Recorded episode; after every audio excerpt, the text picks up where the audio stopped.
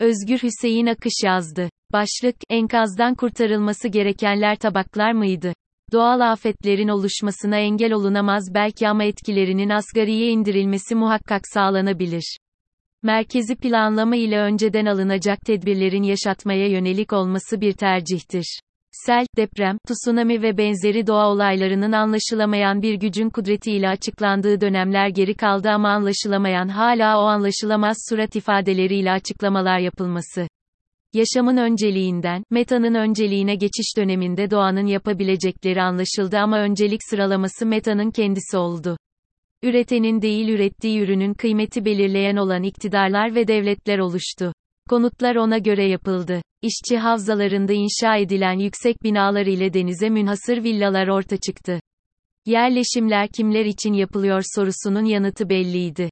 Bilinen durumun sonuçlarının neye yol açacağı da kahinlerin bileceği bir belirsizlik barındırmıyordu. Türkiye'de 21 gündür yaşadığımız asrın felaketinin 10 ili dümdüz etmesinin yıkıcı gücüyle değil de ekonominin merkezinde yer alan inşaat sektörünün karı dışında hiçbir şey düşünülmeden bilinçli bir sınıf tavrı olduğunu hatırlayarak devam edelim.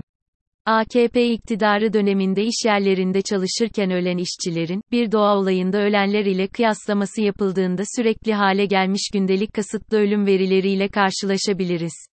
İşçi Sağlığı ve Güvenliği Meclisi'nin yayınladığı rapora göre AKP iktidarı döneminde 30.224 kişi çalışırken yaşamını yitirmiş. Yıllık ortalama 1500 işçinin ölümü demek oluyor bu. Ölümlerin nedenini hangi doğa olayıyla açıklayabiliriz? Depremden sonra açıklanan resmi ölüm istatistiklerinin yayınlanması bir süreden sonra durduruldu. En son açıklanan rakamlara göre 44.374 kişi enkazın altında kalarak yaşamını yitirdi. Artçı depremlerin yanı sıra farklı büyüklükte depremler sürüyor. Hasarlı binalara girilmemesi uyarısı yapılırken Kahramanmaraş'ta tencere tabak üretimi yapan metal fabrikasında patronların talimatı ile içerideki ürünler çıkartılırken kolonların çökmesiyle bir işçi enkaz altında kalarak yaşamını yitirdi.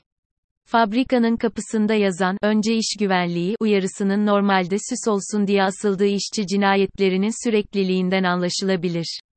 İşçi cinayetlerinde birinci sırada inşaat ve yol iş kolunun olması ve öncelikle ölüm riskiyle karşılaşılan grubun işçilerin olması, asrın felaketinin sadece 21 gün ile sınırlı olmadığını kanıtlarcasına enkazdan tabak çıkarılması talimatı verilmesinden anlaşılabilir.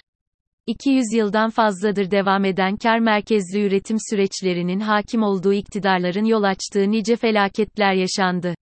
Felaketlerin kısa bir sürece hapsedilmesi insanlığa haksızlık olur.